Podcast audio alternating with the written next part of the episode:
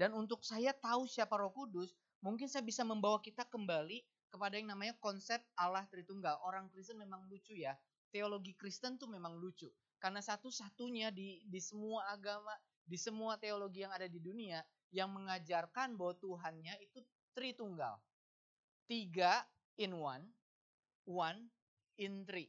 Beberapa speaker, beberapa pendeta ngomong gini, oh untuk menjelaskan Allah Tritunggal itu sama seperti telur. Pernah dengar itu enggak? Telur ada cangkangnya, satu. Telur ada putihnya, dua. Telur ada kuningnya, tiga. Itulah Allah Tritunggal. Buat saya, gambaran itu tidak tepat.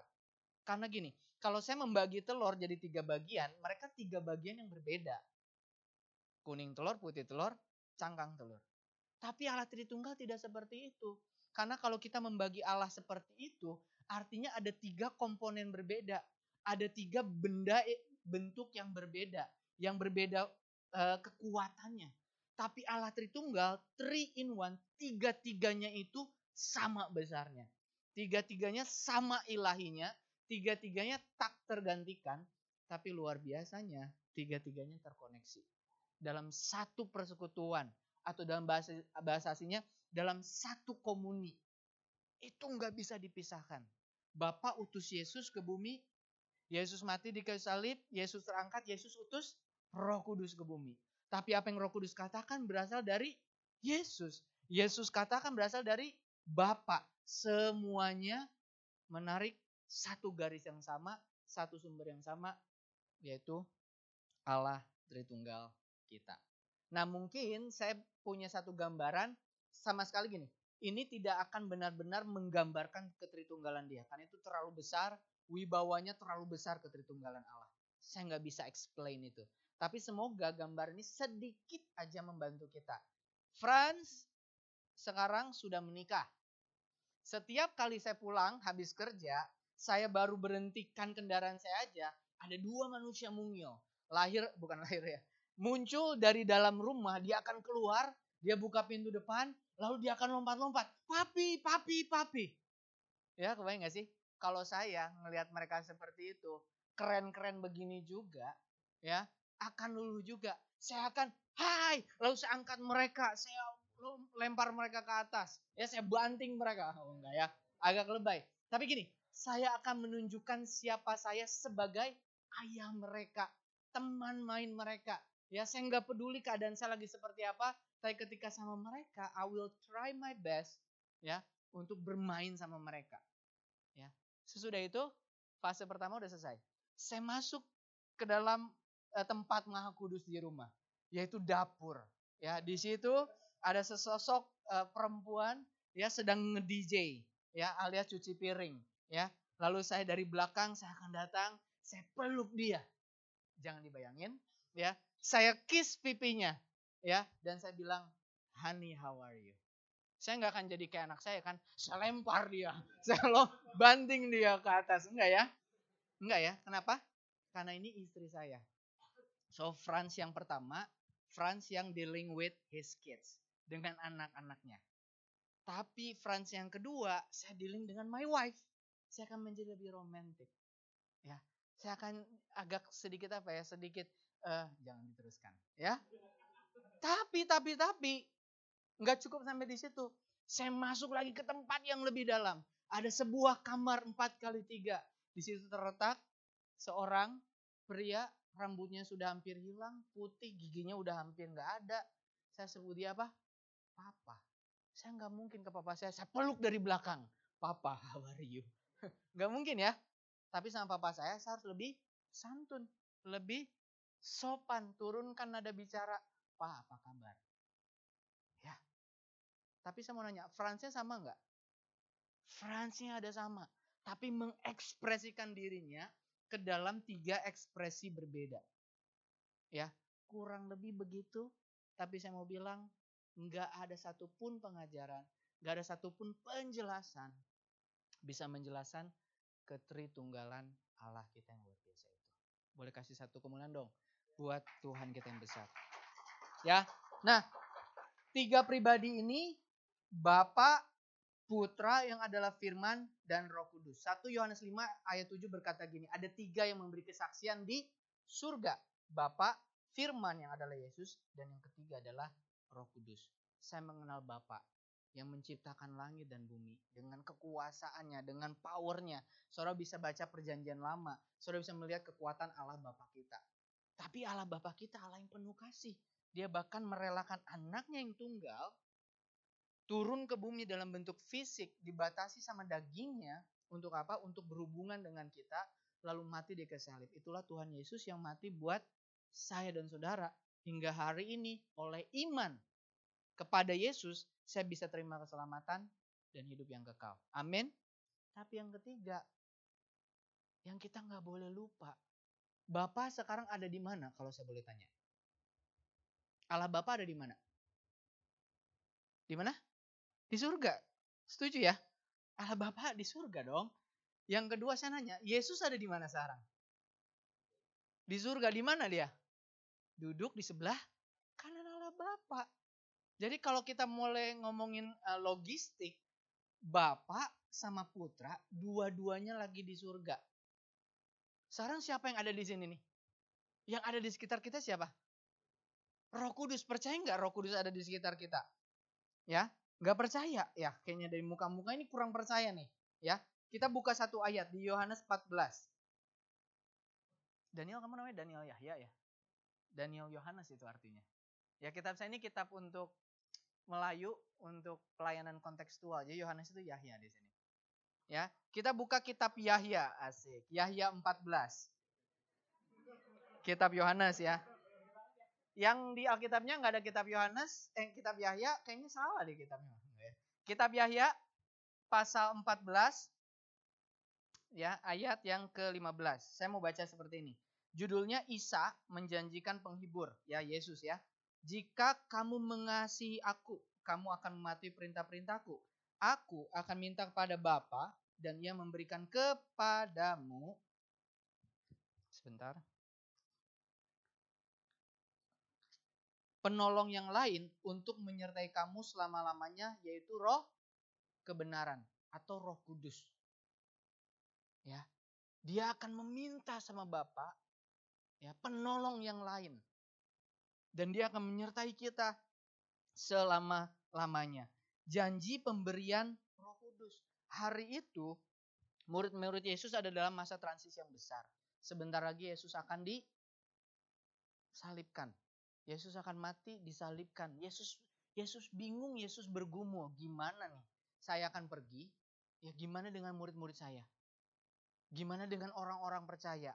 Lalu Yesus punya ide, oh saya akan minta sama Bapak dan dia akan memberikan kita penolong yang lain.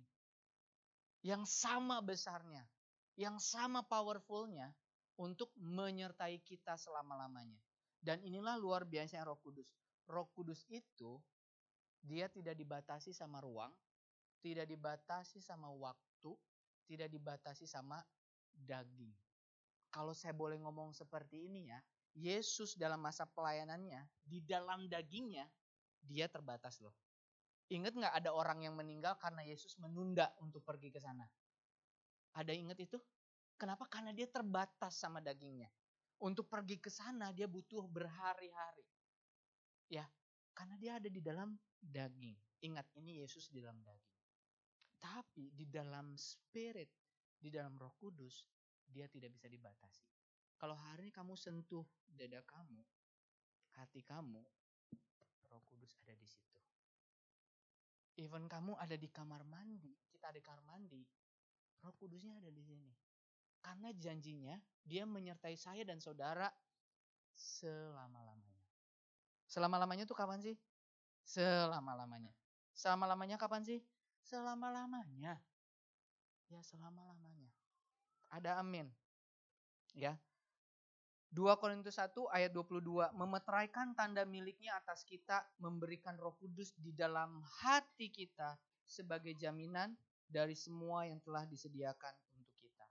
Nah hari ini saya ingin share sama adik-adik, teman-temanku semua, apa sih peran roh kudus dalam kehidupan kita. Kita sering sekali menyebut nama roh kudus. Sering kali kita worship menyembah dia. sering kali kita meminta hadiratnya, your presence, ya. Tapi ada spesifik sekali peran Roh Kudus dalam kehidupan kita. Dan semuanya kita semua bisa baca, bisa pelajari Yohanes 14 sampai 16. Tiga pasal itu, tiga pasal yang spesifik menyebutkan, menuliskan, mengajarkan kita apa yang Roh Kudus lakukan dalam hidup kita. Saya akan bukakan slide-nya udah semua ya. Ini semua ada di, di, di tiga pasal tersebut ya. Ketika saya akan ulas ini satu persatu secara tingkat singkat ya. Kita semua akan sadar oh iya ya ini ternyata Roh Kudus yang ngerjain. Ya ternyata ini perannya Roh Kudus. Yang pertama ia akan mengajarkan kita segala sesuatu. Bilang segala sesuatu. Segala sesuatu itu apa? Segala sesuatu. Hari ini kalau si nomor dua bisa berdiri di depan penguasa-penguasa di bangsa ini.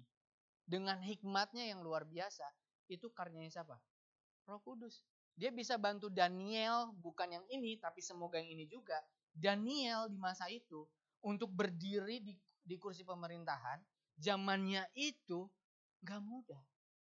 Anak muda yang mau berdiri di luar anak-anak muda lainnya yang sudah mengikuti arus zaman. Sama nggak sih sama si nomor dua itu? Itu karya siapa? Karya Roh Kudus.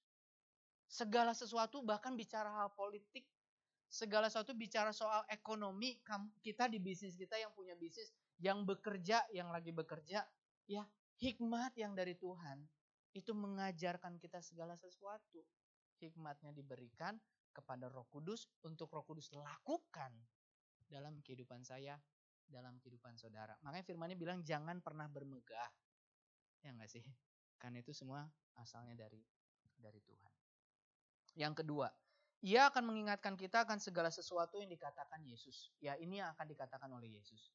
Dan Roh Kudus yang ngingetin kita. Pernah nggak ngalamin satu masalah, satu kejadian dalam kehidupan kita, dan dalam masa kebingungan kita tiba-tiba terlintas satu ayat. Itu siapa yang kasih? Roh Kudus. Pernah nggak bimbingan dengan kakak pembimbingnya lagi PA, lagi pemuridan, ya buat saudara-saudara yang sudah jadi mentor, yang sudah jadi kakak rohani, bapak rohani, pernah nggak sih lagi bingung, ya, yang kamu mentor sedang lagi curhat dan segala macam, tapi tiba-tiba, oh saya teringat hal ini, saya teringat apa yang diajarkan oleh Firman Tuhan. Dan ketika saya share sama anak ini, anak ini diberkati. Kak, ini pas banget sama apa yang saya alami. Itu karyanya siapa? Karyanya Roh Kudus, bukan karya kita. Ya, ia akan bersaksi tentang Yesus. Siapa yang memampukan kita untuk menyebut Yesus adalah Tuhan? Tadi Roh Kudus itu sendiri dan dia akan membantu kita untuk bersaksi. Ya, membawa kemuliaan bagi nama nama Yesus. Ya, yang terakhir saya mau bacakan di kisah 1 ayat 8. Ya, ia akan memberikan kita kuasa supranatural untuk menjadi saksi Kristus yang efektif. Ya, hari ini tepat sekitar dua tahun saya e, melayani sepenuh waktu di Yayasan Misi. Kami menjangkau jiwa khususnya suku Sunda dengan pelayanan yang sangat spesifik pelayanan olahraga dan spesifiknya olahraganya apa? Sudah pasti sepak bola. Hampir semua anak di Indonesia suka yang namanya sepak bola. Kami pakai sepak bola sebagai tools untuk menjangkau mereka, untuk menanamkan nilai-nilai kebenaran, tapi lewat pelatihan sepak bola. Bagaimana mungkin saya ngajarin orang dribbling, tapi saya bisa mengajarkan kebenaran Kristus sama hidup dia? Gimana mungkin saya ajarkan tentang teknik passing, tapi saya bisa mengajarkan kebenaran firman Tuhan dalam kehidupan mereka. Itulah amazingnya Tuhan. Dia berikan kita hikmat. Dia berikan kita uh, ke kemampuan memakai apa yang kita punya, apa yang kita suka, tapi dia pakai itu sebagai tools untuk saya bisa memenangkan, untuk kita bisa menangkan jiwa bagi nama Tuhan. Bahkan dia memberikan kuasa untuk kita menjadi saksi. Saya masih ingat waktu itu uh, menjadi guru olahraga futsal ya di salah satu sekolah Katolik di Bandung. Saya lagi melatih bersama teman saya yang sama-sama ada di lembaga misi ini, lagi melatih lagi melatih tiba-tiba sekonyong-konyong gak ada angin, gak ada hujan, panas terik, dan tiba-tiba hampir 20 anak SMA di Angela kerasukan setan. Can you imagine di siang bolong, sekolah Katolik, lagi aktivitas olahraga, 20 orang diserang sama iblis dan tiba-tiba semuanya kesurupan. Ya. Lalu kami kami sebagai anak Tuhan gitu ya, waktu itu saya belum belum apa ya, belum sungguh-sungguh e, melayani di misi olahraga, tapi hari itu Tuhan tahu gerakan kami untuk eh saya melayani anak ini satu persatu. Lalu kami datangi anak-anak satu persatu, kami doakan tumpang tangan dalam nama Yesus, semuanya dilepaskan. Sampai ada satu orang preman, preman di SMA, ya, marah-marah, teriak-teriak, kesurupan. Merik boleh bantu saya berdiri sedikit. Ini preman, bayangkan ini mukanya nggak nggak selembut ini ya. Ini benar preman di sekolah, ya. Dia lagi berkoar-koar, lagi marah-marah. Simple, kita pegang. Tek. Dalam nama Yesus, tiba-tiba dia zzz, ya menjadi tenang.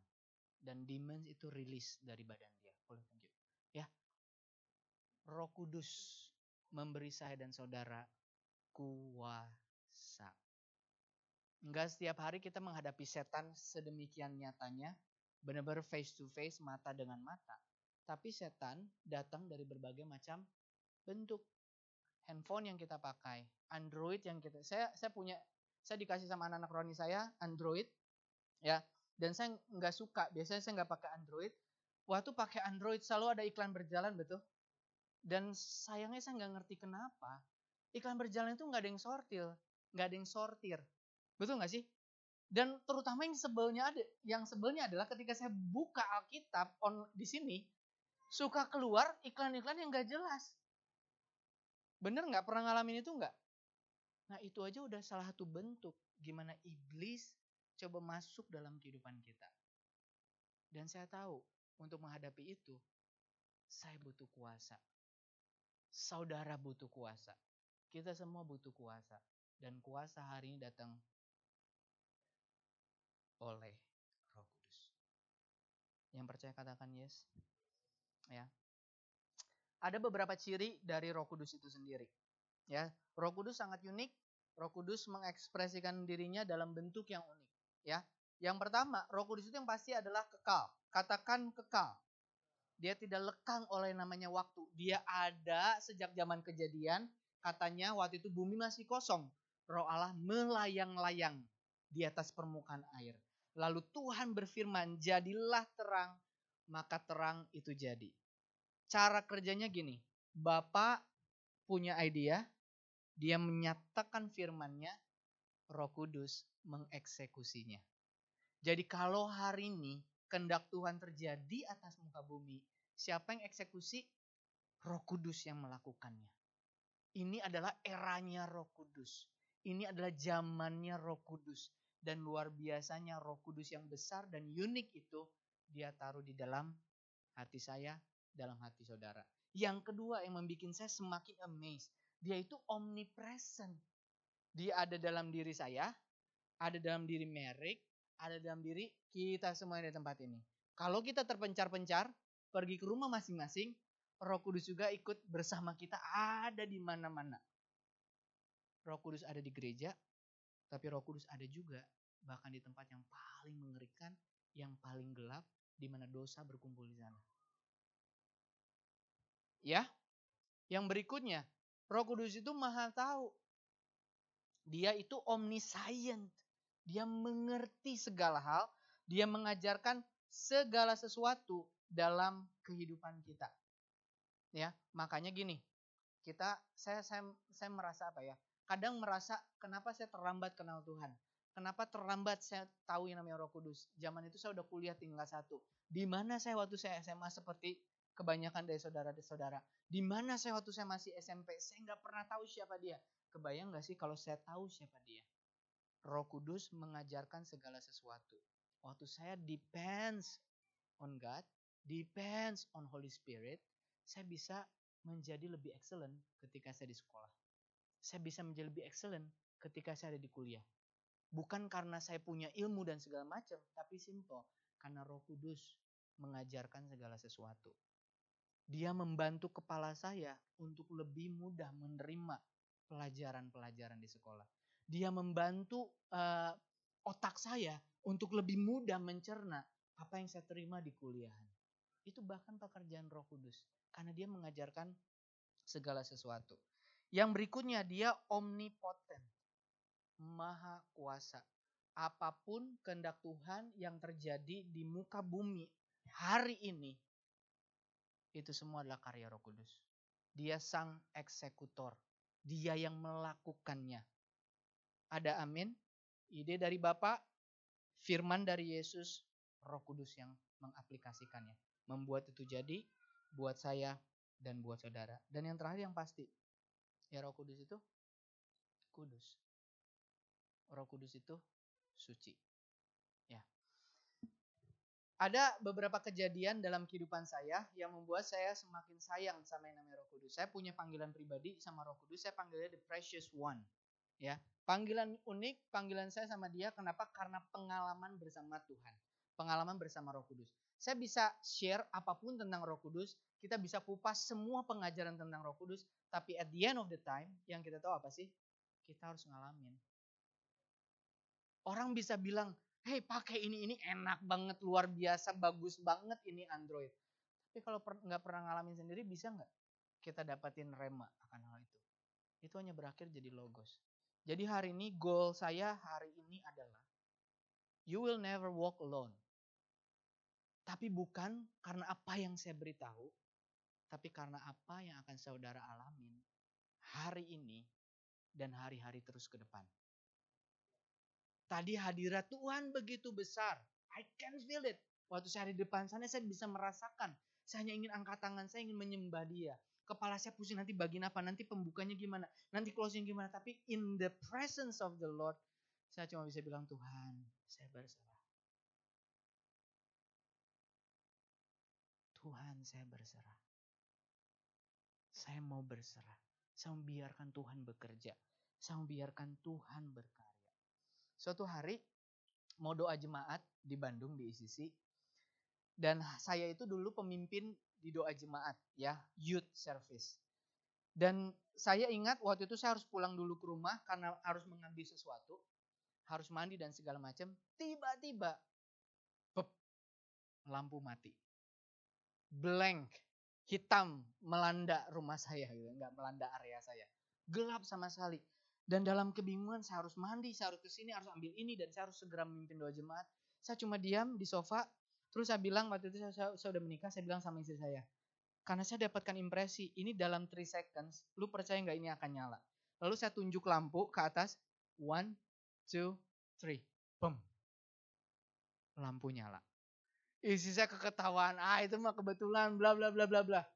Bagi dia itu kebetulan, tapi buat seorang Frans, I am dealing with the Holy Spirit. Karena saya alamin itu. Saya dapatkan remanya. Ada amin? Yang kedua, jauh jauh jauh jauh jauh sebelum saya menikah sama istri saya, saya lagi menyukai, lagi PDKT dengan seorang pemain keyboard di gereja. Dan hari itu saya di depan gitu ya, sebagai pemimpin, ya sambil praise and worship melirik-lirik pemain keyboard kalian kayak nggak ketawa kayak nggak tahu aja lah perasaan itu. Pasti pernah ngalamin itu ya. Saya lagi lagi ini present worship sambil melirik si pemain keyboard ini. Tiba-tiba saya nggak ngerti kenapa. Tuhan bilang Franz bukan dia tapi ini. Franz bukan dia tapi ini. Tiga kali saya berdoa saya tengking. Seriously jadi tiga kali saya tengking istri saya yang sekarang karena akhirnya saya ikutin suara Tuhan dan saya nikahin dia dan saya nggak pernah regret dengan pilihan itu. Beri kemuliaan dong buat Tuhan kita. Hei, hei, hei. Bahkan dari masalah bola lampu sampai pasangan hidup, Roh Kudus harusnya berperan di situ. Apalagi pasangan hidup. Hanya ada dua misteri dalam kehidupan kita kan.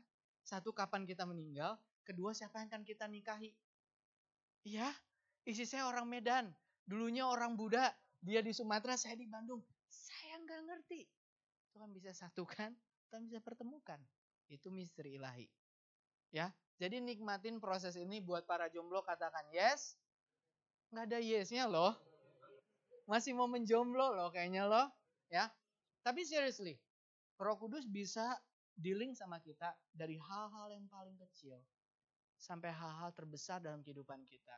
How we find our vision in God. Gimana saya menemukan pasangan hidup saya? Gimana saya menentukan karir saya apa? Gimana saya mengambil keputusan saya akan bisnis atau saya akan bekerja? Saya akan kuliah di sini atau kuliah di luar? Eh, mari mulai melibatkan Roh Kudus. Karena dia mengajarkan segala sesuatu. Bukan hanya hal-hal rohania, bukan hanya hal spiritual.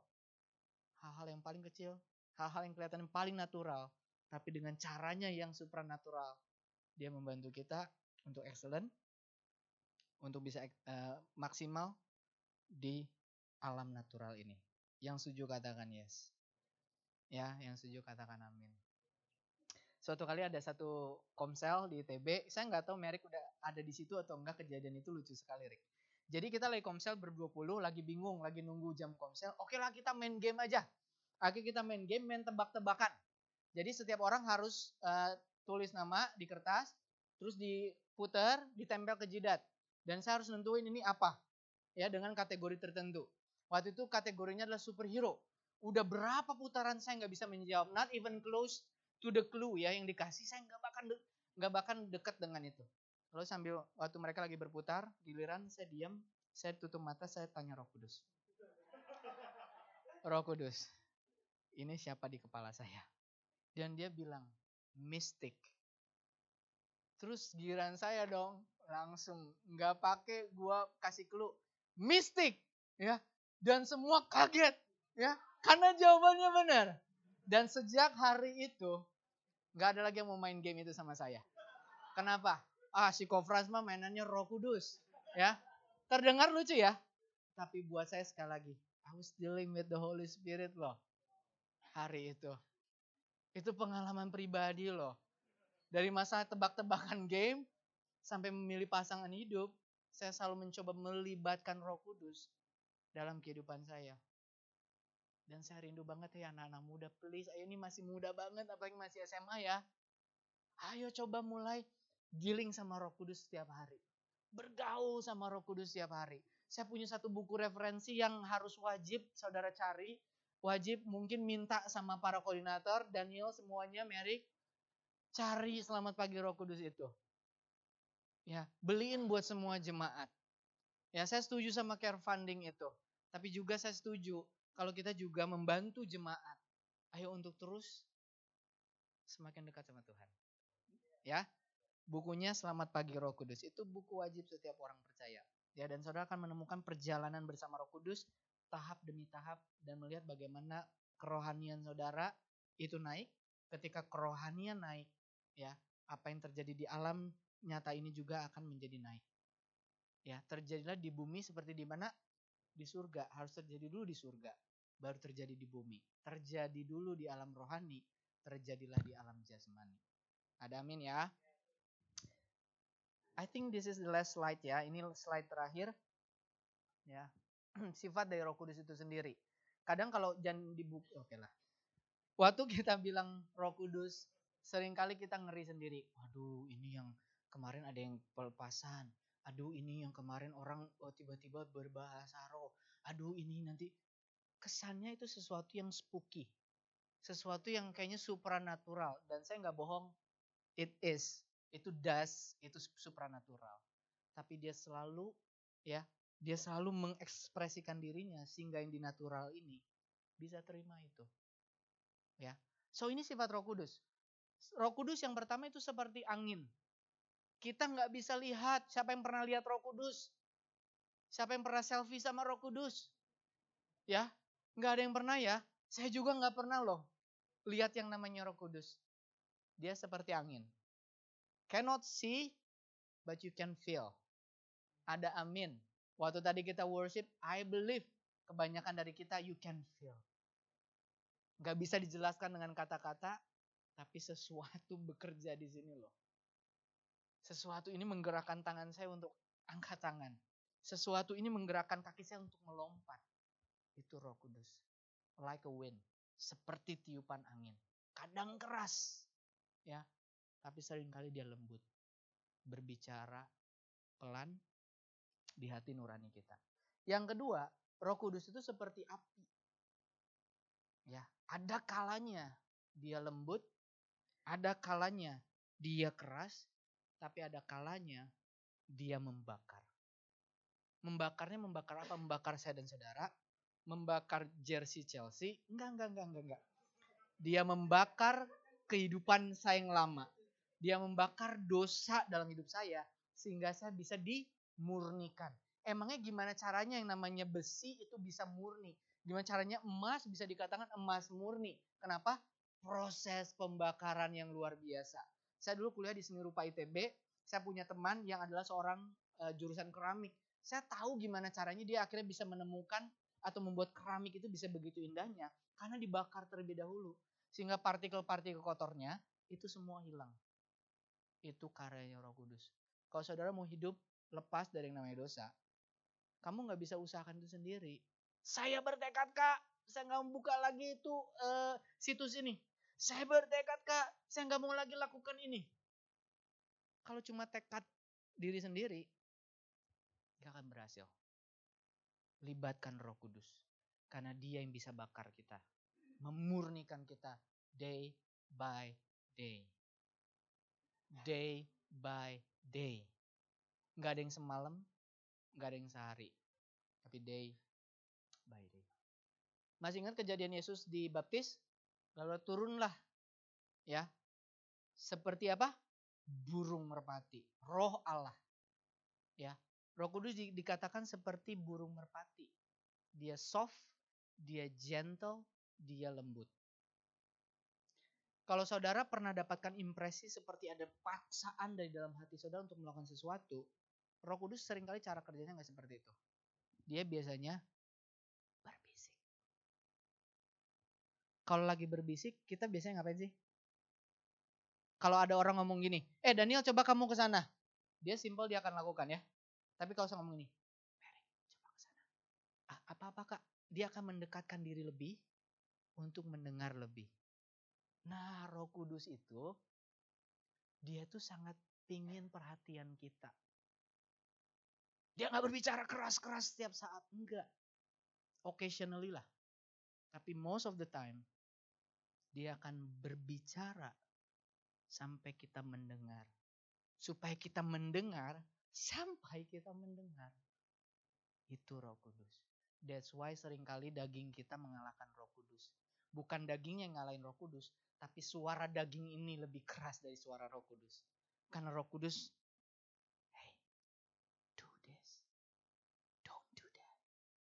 lakukan ini, jangan lakukan yang itu. Bukan dia, tapi dia. Nah itu roh kudus tuh. Jadi hari ini gimana, aduh ini bahasan tentang roh kudus tuh sangat banyak sekali ya. Nggak bisa selesai dalam setengah jam ini loh. ya Karena mendengar roh kudus aja itu udah part tersendiri. Tapi hopefully today kita mulai aware bahwa roh kudus itu eksis. Bukan cuma ateis aja yang ateis banyak orang Kristen, Kristen atau Kristen yang ateis. Ada satu quote bilang gini, an atheist Christian are those ya yang dia tidak mempercayai Roh Kudus itu eksis. Itu seorang Kristen yang ateis. Kita nggak benar-benar bisa disebut Kristen kalau kita nggak percaya Roh Kudus itu eksis. Ada amin? Ya. Lalu yang terakhir, sifat Roh Kudus seperti minyak urapan. Samuel mengurapi Daud yang saat itu dianggap remeh, diterbelakangkan, tapi Samuel mengurapi Daud dengan minyak urapan. Dan kita tahu beberapa tahun sesudahnya Daud menjadi raja di umur dia yang ke-30 tahun. Ya. Roh Kudus itu seperti minyak. Fungsi minyak apa? Mengurapi. So kalau hari ini saudara ingin hidup excellent, ingin hidup kudus, kita butuh pengurapan. Dan pengurapan itu oleh Roh Kudus. Oleh pribadi Roh Kudus. Saya boleh minta pemain musik ke depan. Hari ini saya ingin challenge adik-adik saya di tempat ini. Saya ingin challenge anak-anak muda di tempat ini. kamu nggak pernah benar-benar berjalan sendiri. Even dalam kesendirian kita, Roh Kudus ada di dalam hati. Hanya sering kali suara daging ini mengalahkan suara Roh Kudus. That's why, ayo kecilkan volume suara daging, mulai besarkan volume suara Roh Kudus. Gimana caranya saya bisa membesarkan volume suara Roh Kudus? Dengan saya masuk ke dalam presence-nya dia, fokus mencari dia, mencari suaranya, mencari wajahnya. Dia sumber pengajaran. Dia sumber kuasa. Bahkan semua berkat, semua janji Tuhan yang terjadi di muka bumi hari ini, itu roh kudus yang mengerjakan dia. Sudah berapa lama kita lupakan roh kudus? Sudah berapa lama waktu kamu berdoa, waktu kamu saat teduh, ya, kamu panggil nama Bapak. Kamu panggil nama Yesus. Nothing wrong with that. Tapi jangan lupa, ada Roh Kudus. Dia yang akan mengerjakan semuanya pada akhirnya. Hari ini saya mau encourage anak-anak muda di sini. Kamu punya Roh Kudus di dalam hati kamu, dan dia diam, gak akan ke mana-mana. Dia bisa berduka kalau kita menyangkal dia. Mari ini saatnya menggandeng dia kembali. Panggil nama Roh Kudus. You can use my way. Bisa pakai cara saya. Masuk ke kamar. Sebut nama Roh Kudus 50 kali. Kenapa? Ketika saya menyebut nama Yesus yang ke-30, suara-suara daging saya udah mulai turun. Ketika saya menyebut nama Roh Kudus yang ke-40, saya mulai masuk ke dalam keintiman itu. Dan ketika saya menyebut nama Yesus ke sekian puluh kali, di waktu itulah saya benar-benar terkonek sama Roh Kudus. We live in this broken world. Hidup kita ini dunia ini hancur. Buka TV, buka Instagram, buka Line. Semua berita apa sih? Hancur semuanya. Kita harus kurangin tuh suara-suara itu. Bukan supaya sorohani, supaya hati saya tetap terjaga. Supaya saya tahu apa yang Roh Kudus rencanakan buat bangsa Indonesia. Begitu banyak permainan di dunia ini, di Jakarta ini, saya sangat mengikutinya anyway. Boleh turunkan sedikit sebentar. Suatu kali di Bandung, saya lewati satu jalan, itu ada masjid besar sekali. Dan di masjid itu, kalau nggak salah itu persidangan, saya boleh sebut nama ya, persidangan Ahok yang kedua atau ketiga. Dan di masjid besar itu di pagi-pagi, saya lagi mau kerja, kebayang nggak sih jam setengah delapan on the road gitu ya. Mereka udah di depan, udah pasang spanduk yang mengata-ngatai orang ini, mengata-ngatai, menyumpai dan segala macam. Lalu saya lewatin itu, saya kesal sekali karena berbulan-bulan saya sangat terpengaruh dengan berita ini. Lalu saya lewatin masjid itu, saya masuk wali uh, jalan wali kota dan saya mulai ke arah kantor. Tiba-tiba Roh Kudus ngomong, Franz, ya, kamu anggap dia sebagai objek penderita. That's why kamu frustasi. That's why kamu stres. Kenapa kamu nggak lihat dia sebagai subjeknya saya untuk membawa perubahan buat bangsa ini? Sekarang saya udah nggak tahu terpengaruh karena saya tahu apa pun hasilnya, dia hanya alatnya Tuhan. Lain lagi, lain hari. Saya terbangun jam 4 pagi dan saat teduh saya kali ini berbeda. Saat teduh saya unik sekali. Kenapa? Karena Tuhan meminta saya doain HR. Tahu HR? Kebayang, saya mau angkat tangan, saya coba tantang lah. Siapa di sini pernah doain HR dalam nama Yesus? Ada yang pernah ngedoain? I did it. Bukan karena saya mau loh. Daging saya nggak mau. Tapi roh kudus bangunin saya jam 4 pagi khusus. Franz, kenapa kamu nggak lihatnya seperti Saulus? Yang bunuh orang ikut jalan Tuhan. But at the end of the time, Tuhan pakai dia loh. Memenangkan Asia, Afrika, semua dari seorang Saulus. Wow, saya melihat dunia ini berbeda sekarang. Saya melihat apa yang terjadi di Jakarta, di bangsa ini berbeda sekarang. Karena I know I have Holy Spirit. Saya punya roh kudus. Dan saya membiarkan dia lead hati saya, lead jiwa saya, bahkan lead tubuh saya ini. Ada amin. Saya minta kita semua berdiri. Mari biar Tuhan membawa kita closer. Membawa kita deeper. Dan hari ini open your heart in the presence of the Lord this morning.